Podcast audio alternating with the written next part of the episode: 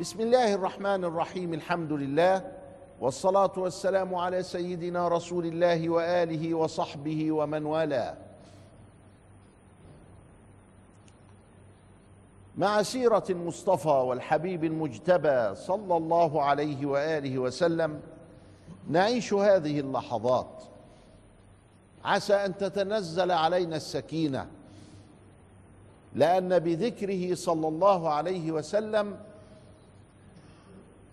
يهتز الملأ الأعلى. وتتنزل السكينة من عند ربنا والرحمات. وبذكره تتنزل البركات. فهو الذي بيننا وبين الله وهو بابنا إليه سبحانه وتعالى.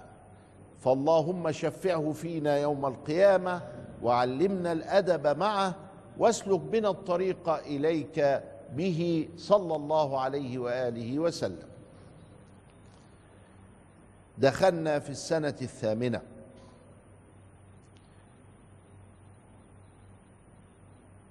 تكلمنا قبل ذلك في ذي القعدة من السابعة ذهب المسلمون لعمرة القضاء وتكلمنا فيها. ثم في أواخر السابعة والثامنة ذهبوا إلى مؤتة وبعد ذلك حدثت غزوات منها غزوة ذات السلاسل أو السلاسل بالضم والفتح. السلاسل أو السلاسل. ولكن ما حدث في السنة الثامنة فكان له أثر في المسلمين إلى يوم الدين هو فتح مكة. وعرفنا ما كان في الحديبية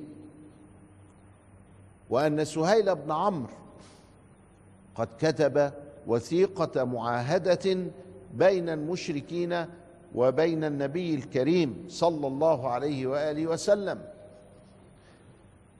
في هذه الوثيقة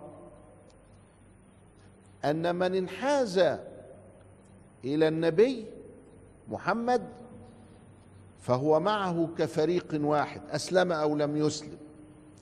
وأن من انحاز إلى قريش فإنه معها في فريق واحد. بنو بكر انحازت إلى قريش. وخزاعة انحازت إلى محمد صلى الله عليه وآله وسلم.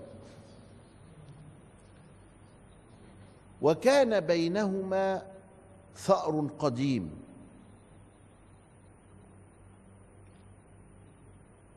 وجاء شخص اسمه نوفل ابن معاوية. ونوفل ابن معاوية هذا من بني بكر لكن يبدو شاب عنده شيء من التهور. فنوفل ابن ابن معاوية اعتدى على أهل خزاعة دول وجرهم إلى الحرم. فلما دخلوا الحرم قال لأصحابه اقتلوهم. نقتلهم في الحرم العرب يستعظمون القتال في الحرم جدا. إلهك إلهك. أنت أنت ناسي ربنا؟ قال لا إله اليوم. شوف العمى بقى وده لما يطلصم على العيال. لا إله اليوم. أنتم تسرقون في الحرم وترتكبون فيه الموبقات. أفلا تأخذون بثأركم؟ عشان يبقى لكم عزة كده. بيتكلم بالمنطق بس منطق أعوج. منطق لا إله خلاص. أنكر خلاص. ضل خلاص. يعني تاه. أدام تنكر تشيل ربنا من الدنيا هتوه ال- الحكاية هتوه منك. ده اللي محل الدنيا هو ربنا. سيبك بقى من ربنا كده اهو هتبقى سود ولا ليها لازمة. المهم الجدع ابن معاوية ده اهو من بني بكر غلط الغلطة دي وقتله. واحد من وجهاء مكة خزاعي اسمه بديل بن ورقاء. والتاني اسمه عمرو بن سالم. راح عمرو جري بالليل راح للنبي. الغوث الغوث يا محمد. ضربونا قتلونا. فين؟ قال ده في مكة. في مكة إزاي؟ مش معقول. هي قريش تغابت إلى هذا الحد؟ مش معقول كلام ما هوش موزون. إزاي ده؟ دي تبقى مصيبة. شويتين وداخل بديل بن ورقاء. بديل بن ورقاء يعني له وجاهة وحاجة كده فبديلم لما دخل حكى للنبي بقى اللي حصل بالتفصيل. قال نصرناكم. خلاص انتهى الأمر. نصرناكم.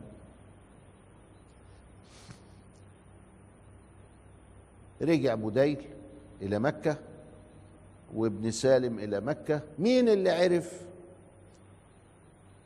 اللي عرف الحدوتة؟ أبو سفيان زعيم مكة. قال يا خبر أسود ده كده يبقى ضعنا. ده إحنا اللي غلطانين. نعمل إيه؟ قالوا له نعمل إيه؟ قالوا لا أنا مش عارف نعمل إيه. أنا هروح لمحمد وأشوف. أقول له سامحنا في الحكاية دي؟ وأقول له إنه يمد لينا الأجل. طيب حاضر. فسافر أبو سفيان للنبي. قابل مين بقى في السكة وهو راجع؟ بوديل بن ورقاء. قال له أنت كنت في المدينة؟ قال له لا ما كنتش في المدينة. واخد بالك؟ ما هو عرف إن النبي ناصره هيجي خلاص لفتح مكة. قال له ما أنت جاي من الناحية دي ليه؟ قال له أنا جاي من البحر. قال له هتكون كون وهتكون رحت المدينة؟ قال له ما رحتش المدينة. وخد بعضه ومشي. أبو سفيان قال لما أشوف البعر بتاع البعير العلف بتاعه إيه؟ المدينة العلف بتاعها النوى نوى التمر. فمسك البعرة وفركها كده طلعت نوايا في إيديه. قال والله كان عند محمد. وقع سودة بقى خلاص. ده كده محمد بلغوا الحكاية. دخل أبو سفيان من مدينة. أبو سفيان ده مين؟ أبو السيدة أم المؤمنين عليها السلام أم حبيبة. أسلمت وهاجرت إلى الحبشة وكذا إلى آخره. وكانت متزوجة عبيد الله ابن جحش فذهب إلى النصرانية فجاءت هي سابته بقى أدم تمسح ورجعت إلى كذا وتزوجها رسول الله. فدبوها. دخل أبو سفيان فراحت طاوية حتة مرتبة صغيرة كده أهو راحت طوياها مرتبة يعني مش قد كده يعني. مرتبة مبهدلة يعني. لها الله انت بتطويها لأنها ما تلقش بمقامي. ما هو ملك مكة ده. ولا انت بتطويها لأنك مستخسرها فيا؟ والله لا أدري أتطوينها لي أو تطوينها عني؟ يعني أنت قالت له لا؟ هذا فراش رسول الله وأنت مشرك نجس يعني بطويها عنك. ما تلمس؟ قال لقد تغيرت من بعدي. أنا مربيك على كده؟ قالت له هو كده اللي حاصل كده. عايز إيه؟ قال لها تتوسطي لنا عند النبي عند محمد. ما هو ما- فيش النبي بقى. وتقولي له إن هو يسامحنا وإن إحنا كذا وكذا. قالت له لا مش متوسط الصريح المريح ما اناش متوسط قال لها طب كتر خيرك. السلام عليكم. وقام مشي. وبعد الفاصل نشوف عمل إيه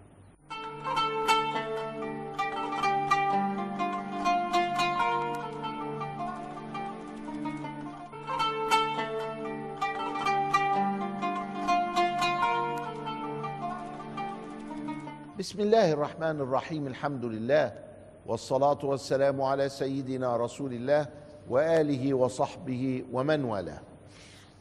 خرج أبو سفيان من عند أم حبيبة عليها السلام. فذهب إلى النبي قال له أنا هقعد أوسط ليه؟ ما أدخل على طول. ذهب إلى النبي صلى الله عليه وسلم فكلمه فلم يرد عليه. سكت. سكت تماما ولا كلمة. قال له إحنا غلطانين. ما فيش. قال له طب كنا عايزين نمدد العهد سنتين كمان. ما ردش عليه. قال له إحنا دلوقتي بس ما احناش عايزين نتخانق ولا نحارب ولا نعمل. ما ردش عليه. فخرج إلى أبي بكر. قال له الحق ده إحنا في شدة وفي أزمة. فكلم محمدا حتى نشيل الأزمة دي ونحلها. قال له لا أكلمه. وانصرف من أمامه. فذهب إلى عمر. فقال له مثل ما قال أبو بكر. فذهب إلى علي وفاطمة في البيت. والحسن بيلعب. رايح جاي كده أهو مرة في حجر أبوه ومرة في حجر أمه عليها السلام. سيدنا الحسن.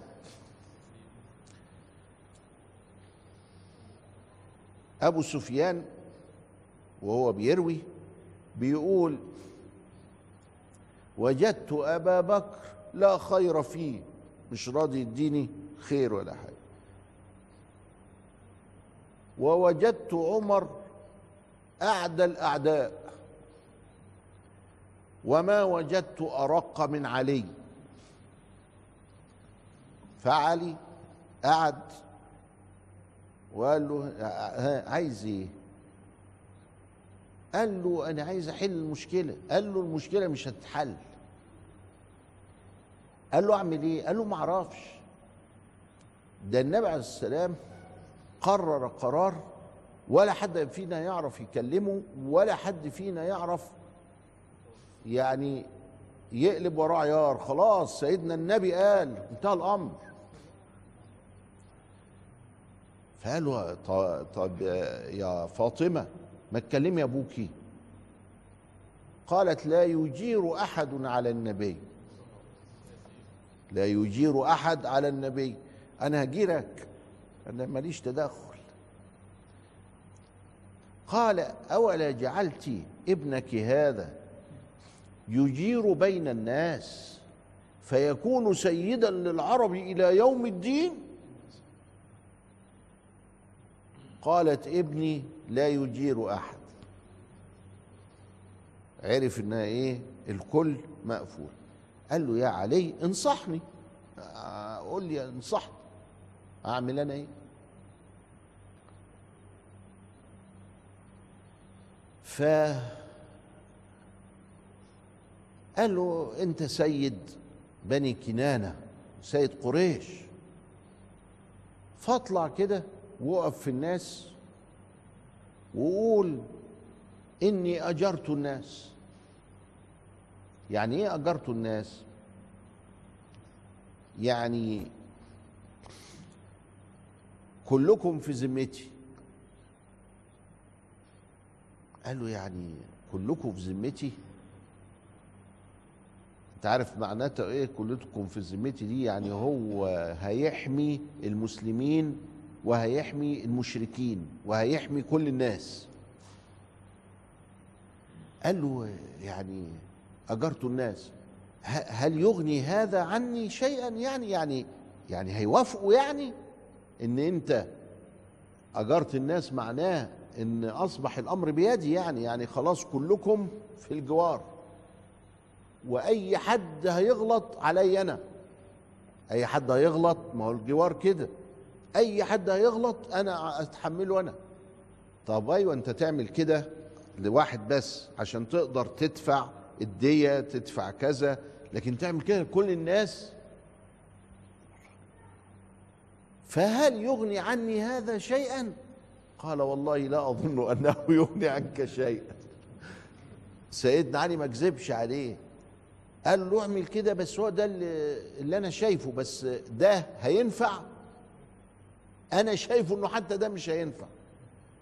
قال خلاص. فخرج وقال أجرت الناس. يا محمد إني أجرت الناس. راح للنبي.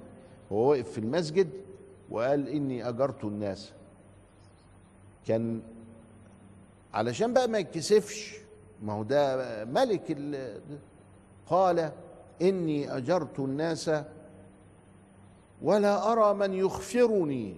يعني من أنا شايف إنه ما حدش هيرفض مني كده.